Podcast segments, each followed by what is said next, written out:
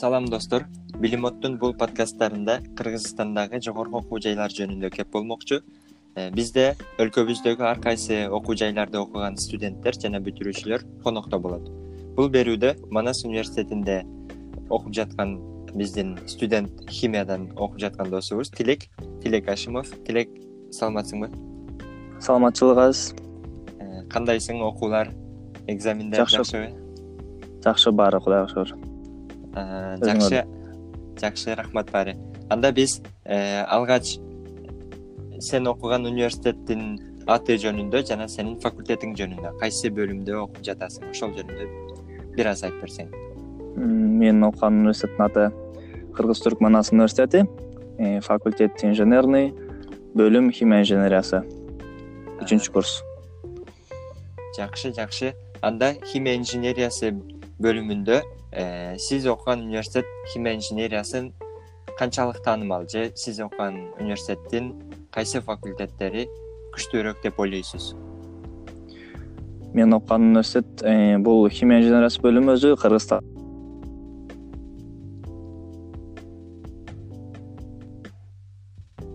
Гана бар. Ал э, эки миң сегизинчи жылы ачылган ал таанымалдыгы азыр көпчүлүгү инженерия деген инженерия жөнүндө мындай маалымат жок азырынча көпчүлүк балдарда. Бирок эң престиждүү бөлүмдөрдүн бири лабораториялары баардык жактан эң престиждүү бөлүм деп айта алам анда мисалы химия инженерия бөлүмү боюнча мен менин билишим боюнча кыргызстандагы эң жакшы лаборатория студенттик университеттердин лабораториясы. Манас университетинде болсо керек адашпасам. Ооба манас университетинде. Манас университети э, орто азия боюнча эң жогорку беш университеттин ичине кирет. Лабораториясы боюнча деле өзү деле. жакшы экен анда эми мен бир э, жалпы бир аз манас университетиндеги жалпы факультеттер жөнүндө бир аз сиздин оюңузду же болбосо кайсы факультеттер бар экенин айтып берсеңиз андан кийин сиздин факультет жөнүндө кененирээк кеп кылсак. Манаста жалпы сегиз факультет бар болуш керек. Э, алар экономика коммуникация факультети айыл чарба факультети ветеринария факультети инженердик факультет табигый так илимдер факультети анан көркөм өнөр факультети анан э, эки кесиптик жогорку окуу жайы бар. Анан мен берки манас сайт манас точка edu точка kg сайтынан дагы маалыматтарды карап көргөндө манас университетиндеги ошол бир нерсени адаштырбашыбыз керек экен. Бир факультеттин ичинде бөлүмдөр бар экен.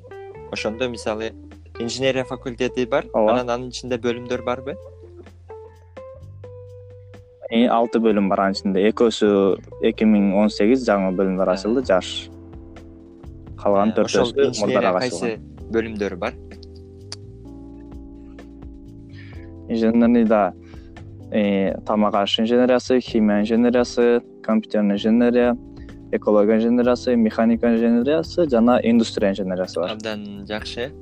Анда алты инженердик факультет бар болгону жакшы экен. Анда биз э, тамак аш инженериясы боюнча бул тамак аштын сапатын текшереби же болбосо кандай? Тамак ашты сапатын деле текшерет аны анализдейт кантип жакшыртуу керек. Анан көбүнчө алар технолог болуп кетишет технолог жактан иштешет. технолог деген ошондо кандай болуп калат технолог дегенде алар э, мисалга бир өндүрүш болсо аны ошол сапатын текшеришет ошол жердеги чыккан өндүрүштүн тамактын ошол чыккан э, өндүрүштүн сапатын текшеришет. түшүнүктүү.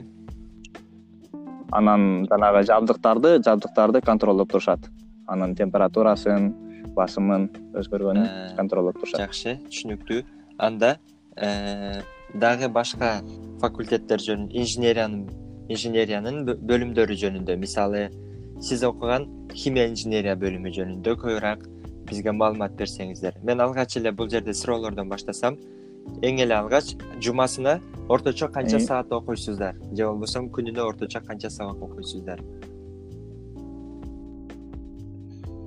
күнүнө орточо ал ар бир өзүнүн курстарына байланыштуу. Эң аз экинчи курста окушат. Алар жумасына үч күн окушат. Эртең менен тогуздан төрткө чейин өздөрү каалагандай кылып мугалимдер менен сүйлөшүп өздөрү сабактын жадыбалын түзүп алышса болот. Кредиттик система. Анан орточо эсеп жумасына деген күнүнө эртең менен саат тогуздан үчкө чейин окуп калышат. Салыштырмалуу деңгээлде башка университеттерден көбүрөөк сабак окуп калабы же болбосо баары менен бирдей элеби мисалы. Көбүрөөк сабак. Көбүрөөк сабак окуп калышат. Э, жакшы. Анда эми дагы биз химия инженерия бөлүмү жөнүндө дагы бир нерсени сурасам ал факультетте сиздер э, өзгөчө бир жөндөмдөрдү мисалы э, туризм жөнүндө биз кеп кылдык. Туризмде дагы жөн гана гид болуп иштеп кетсең болот дейт а бирок университетте окуганда көбүрөөк нерсе көбүрөөк э, профессионалдык тараптан билимдерди ала аласың дейт. А бул химия болгондуктан муну тажрыйбада үйрөнүү кыйын болсо керек туурабы. Көбүнчө университетте билим алуу талабы көбүрөөк муктаждыгы барбы? Ооба билим алууга э, муктаждык көп. Э, тажрыйбага деле муктаждык бар. Химия химия инженериясы дегенде бул жакта бир гана химия тарабында иштебейт. Бул бөлүмдү бүтүп кааласа медицина бөлүм медицина тарабында кааласа фармацевтика кааласа тамак аш кааласа экология баардык жакта иштеп кетсе болот. Бул мындай көп багыттуу бөлүм да. түшүнүктүү. Бир гана мисалга бул этиканы үйрөтөт химия мисалга этиканы окушат химия инженерлери анан э, философияны деле окушат э, анан экономиканы окушат баарын окушат баарын камтыйт химия инженериясы. Өзү чыгарган продукциянын канчалык э, пайда алып келет канчалык туура ката баарын өздөрү эсептешет химия инженерлер абдан жакшы экен. Анда дагы бир нерсе сен билим алганда сенин устаттарың маанилүү болуш керек деп ойлойм. Мисалы сен кимден эмнелерди үйрөнүп жатасың ошол сөздү улай мисалы сиздердин университеттеги мугалимдер же болбосо профессорлор жөнүндө бир аз кеп кылсак алар кайсы тараптарда билим алып келишкен кандай илимий иштерди жакташкан жана э, ошондой ийгиликтери жана алардын сабак берүүдөгү өзгөчөлүктөрү жөнүндө бир аз бизге айтып берсеңиз. Бизде деген э, кафедра эң күчтүү кафедра болуп эсептелет. Кыргыз мугалимдерден төрт мугалим бар. Түрк мугалимдерден деле э, төрт мугалим бар. Общий сегиз мугалим. Анан э, инженердик сабактардын баарын түрк мугалимдер анан кыргыз мугалимдерден бирөөсү берет. Калган мугалимдер инженердик эмес жалпы сабактардан беришет. Бул мугалимдердин өзгөчөлүгү алардын башка мамлекеттерде бүтүп келгени ал бир мисалга айтсам бир биздин бөлүм башчыбыз ал америкада mit университетин бүтүрүп келген ал жакта докторантурасын жактаган ал жакта мугалим болуп иштеп анан бизде иштеп атат азыр. Дагы бир мугалимибиз оксфордто окуган оксфордто докторантурасын бүтүрүп ал деле азыр бизде иштейт. Ошонун баардык мугалимдерибиз аябай кыйын алардын э, өзүнүн окуу окутуу усулдары болсо деле ошол дүйнөлүк стандартка жооп берет. Mitде кандай окутса бизде деле ошентип окутушат кызыктырып баарын өзүбүздөн ар дайым суроо талап кылып силер сурасаңар гана үйрөнөсүңөр деп күндө суроо талап кылып өзү бизден суроо ойлондуруп баарын аябай сонун өтүшөт абдан жакшы экен. Мен мисалы биринчи жолу укканда мисалы манас университетиндеги профессорлор mitден бул mit дүйнөлүк дүйнөдө технология инженерия боюнча баардык эле тармактарда мисалы биринчи экинчи үчүнчү орундорду ээлеп жүргөн атактуу университет мисалы оксфорд дагы ошондой университет жана бизде ошондой мугалимдердин ошондой профессорлордун болгону бул өтө эле жакшы бизге мүмкүнчүлүк экен. Э, жакшы кубанычтамын анда биз э, дагы бир нерсе жөнүндө сурасак баалар жөнүндө. Мисалы бааларга канчалык маани берилет. Жакшы баа алуу сөзсүзбү жана баа алуу кыйынбы же кандай бул жакта бааларга аябай маани көп берилет. Себеп дегенде система э, система кыйыныраак э, орточо балл деп эсептелет. Орточо балл эң максимум төрт балл анан деген эгерде орточо баллың эки бир сексенден өтпөсө диплом беришпейт бул жакта. Анан орточо балың үчтөн өтсө э, стипендия менен окушат. Үчтөн өтсө бир миң үч жүз стипендия үч жарымдан өтсө бир миң алты жүз стипендия менен окушат э, баалуу бул өтө маанилүү баалуу кыйын деле эмес. Эгерде ошол мугалимдердин койгон талабындай окусаң жакшы бааны аласың. Ар кимдин өзүнөн зависить этет главный кызыкса эгер ошол бөлүмүнө жакшы окуп кетет. Эгер кызыкпаса ал ошол бойдон калат. Жаттаган андай мындайдын мааниси жок бул жерде өзү үйрөнүш керек. Анан сабактар кайсы тилде болот? Кыргыз тилинде түрк тилинде англис тилинде сабактар э, кыргыз мугалим берсе кыргыз тилинде түрк мугалим берсе түрк тилинде болот.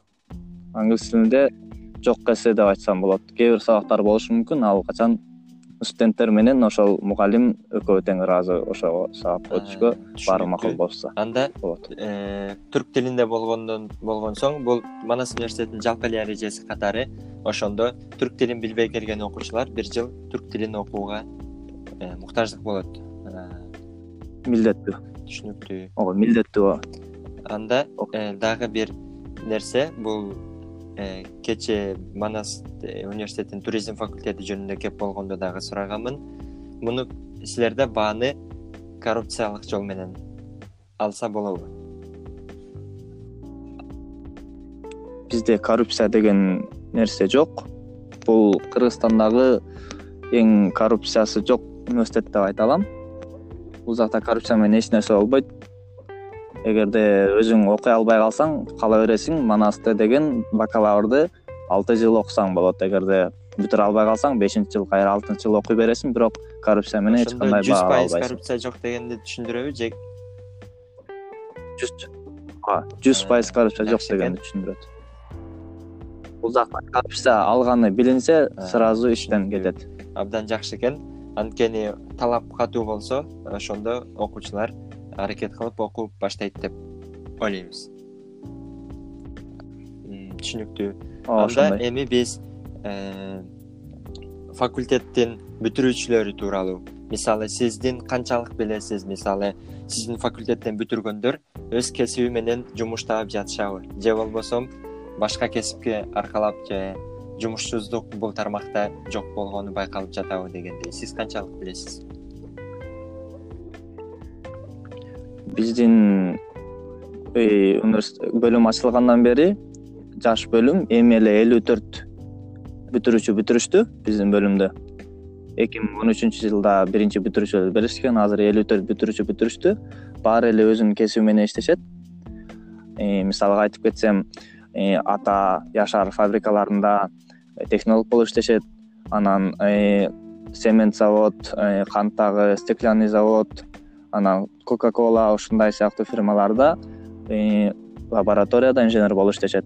Баары эле өз кесиби менен иштейт. анда э, өзүңдүн сабагыңды жакшы окуй турган болсоң кесибиңди жакшы адис болуп үйрөнсөң жумуш табылыш э, мүмкүнчүлүгү көп экен. Себеби мен муну сураганымдын себеби бизде көп мындай түшүнүк бар деп ойлоймун.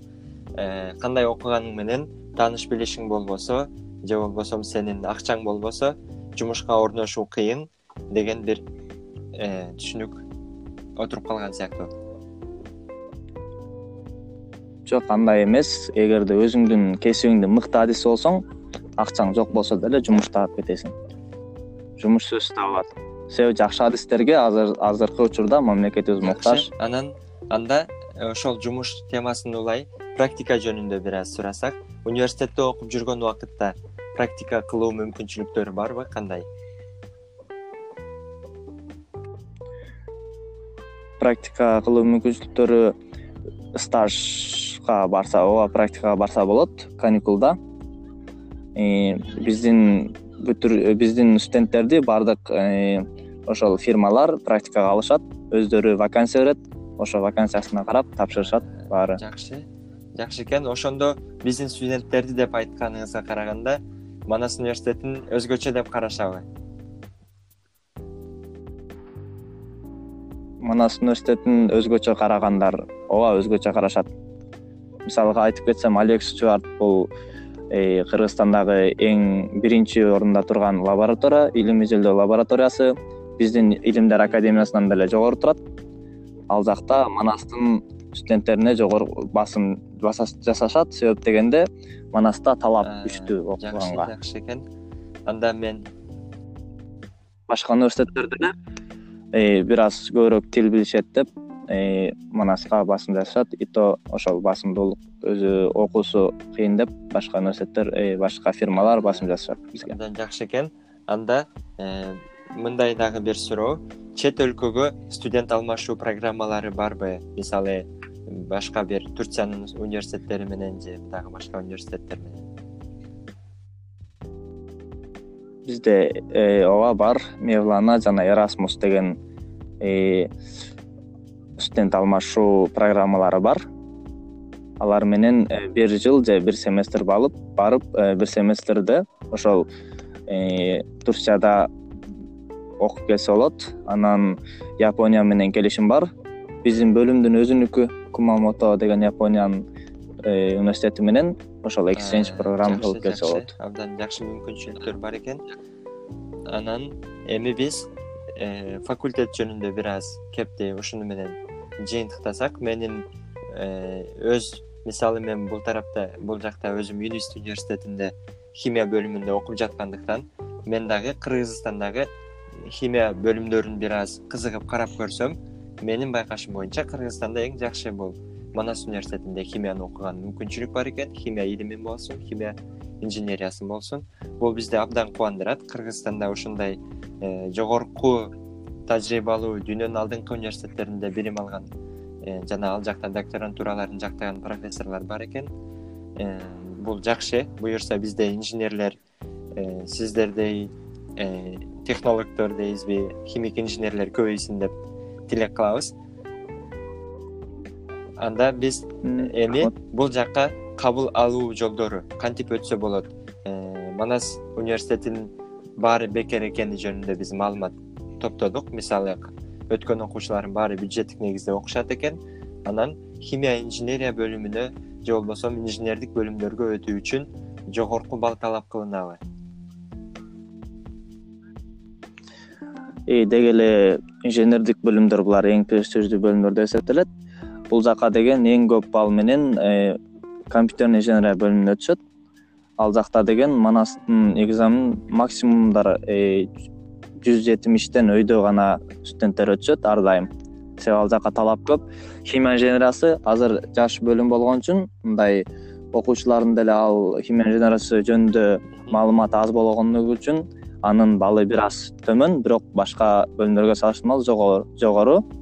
Мен өзүм аз эле балл алгам жүз элүү төрт балл алгам. Ошо менен мен ошол өткөндөрдүн катарында ортодо жыйырма төрт студент алышкан мен он экинчи болуп өткөм ушул балл менен. Э, сиз эң аз канча балл менен өтсө болот экени жөнүндө маалыматыңыз жокпу? Эң минимум жүз кырк болуп калат. Түшүнүктүү жалпы университеттин кабыл алуу экзамени эки жүз канча балл? Эки жүз жыйырма балл. Эки жүз жыйырма балл. эки жүз жыйырма балл мисалы ал жакта тилдер боюнча экзамендер бар жана берки биология математика химия жөнүндө бар. Экзамен экиге бөлүнөт гуманитардык анан так илимдер болуп экөөүндө тең балдары эки жүз жыйырмадан. так илимдерге өтүш үчүн так илимдердин экзаменин тапшыруу керек ооба мисалы инженердик бөлүмдөргө өтүш үчүн так илимдерин экөөнү тең тапшырат. Бирок эсептегенде экөөнү бөлүп эсептейт. Анан эгерде ошол бөлүмгө тапшырсаңыз бөлүмүңүзгө сиздин так илимден алган баллыңызды гана карайт. ошондо эки жүз кырк балл болсо канча предмет бар?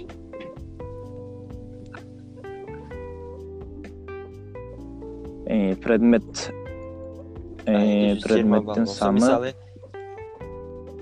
мисалы эки жүз жыйырма балл. ооба математика математика геометрия биология э, химия физика так илимдерден ушулар. орточо эсеп менен алганда баарына бирдей суроолорбу же математикадан көбүрөөк суроо анан башка физика химиялардан азыраак сурообу математикадан көбүрөөк суроо болот калгандары баары бирдей суроо анан деңгээлдери кандай деп ойлойсуз? Мисалы эсиңизде бар болсо анда мисалы суроолордун татаалдыктары жртнын предметтик тесттериндеги татаалдыкпы же э, берки кайсы тесттин тест китепчелер бар го кыргызча нцтнын китептери? Ооба. Суроолор көп деле кыйын эмес себеп дегенде ал мектепте өтүлгөн базалык темалардын ошолордон эле келет. Көбүнчө нцтга окшош болот. Жакшы кыйын эмес. түшүнүктүү. Анан э, бул жака кабыл алуу мисалы качан катталыш керек качан сынактарды тапшырыш керек? Ошол жөнүндө. Сынактарды сынактарды тапшыруу манас университетинин өзүнүн сынагы. Эми так датасы болбосо дагы мисалы чамалап айтканда ушул айларда катталуу керек ушул айларда сынагын тапшыруу керек деген сыяктуу. Май ай- май айында катталат анан май айынын аягында сынак май айынын аягында июндун башында Анан катталуу үчүн кандай катталгансыздар? Мисалы бишкекте болбогондор бар же болбосо биздин башка областьта жашаган окуучулар уга элек болгон окуучулар болсо мисалы кантип катталат? Биз катталганда ошко келип А, катталып кеткенбиз и ошко келип катталып экзаменди бишкекте тапшырганбыз бишкекте экзамен сөзсүз бишкекте болот. Катталуу ошто жана бишкекте болгон түшүнүктүү. Биз тапшырган учурда. Окуучу өзү барыш керек болот кеткенбиз. ошондо. Өзүбүз келип паспортторубуз менен өзүбүз акчасын төлөп катталып кеткенбиз. Жакшы экен. Азыр кеч боло элек деп ойлойсузбу? Ооба. катталгангабы катталганга биз кеч боло мисалы элек окуучу катары катталайын десек кантип маалыматтарды алсак болот? Кантип өткөзүп бербешибиз керек биз? Манас edu точка kg сайтынан А, баардык маалыматтарды алса болот. Абдан жакшы экен.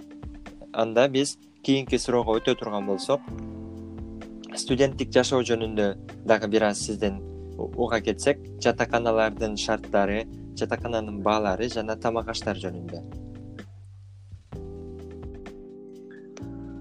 жатакана жөнүндө айтып кетсем жатакана бул бул манас университети жалгыз кыргызстандагы жалгыз кампус болгон университет. Анын деген үч жатаканасы бар. Жатакананын шарттары абдан жакшы. Э, баары сонун ысык суу күндө ар бир комнатанын өзүндө душ туалет баардык э, студенттин өзүндө экиден шкаф бир сабак окуганга бир кийим койгонго ар биринде жатак анан бир минус жагы э, жатаканада тамак кылып жегенге болбойт. түшүнүктүү. Кухня жок. А тамак ашка келсек э, тамак ашты сатып алып жейбиз Э, бир тамак э, жетимиш сом. Ага кенен любой адам жеген адам тоет нан бекер. Э, каалаганча нан жейт анан жетимиш сом тамак. Эгерде жашоо боюнча жатаканада айына э, а блок жаңы жатаканада бир жарым миң сом б блок эски жатаканада бир миң эки жүз сом экөөнүн шарты бирок айырмаланат а блок э, б блокко салыштырмалуу мындай э, жаңыраак жакшыраак. Анда спорттук клубдар жана залдар жөнүндө бир аз мүмкүнчүлүктөр жөнүндө. Мүмкүнчүлүктөр спорттук клубдарга эгерде катышсаңар баары бекер болот. Каалаган спорт түрү футболго катышасыңарбы борьбага каалаган спорт түрүнө катышсаңар бекер машыгуу болот. Жакшы экен. Анан өзүнүн тренажерный залы бар бирок ал платный. Себеби ал жакта жанагы э, машыгуучу баягы алет. Машыга турган курал жабдыктар.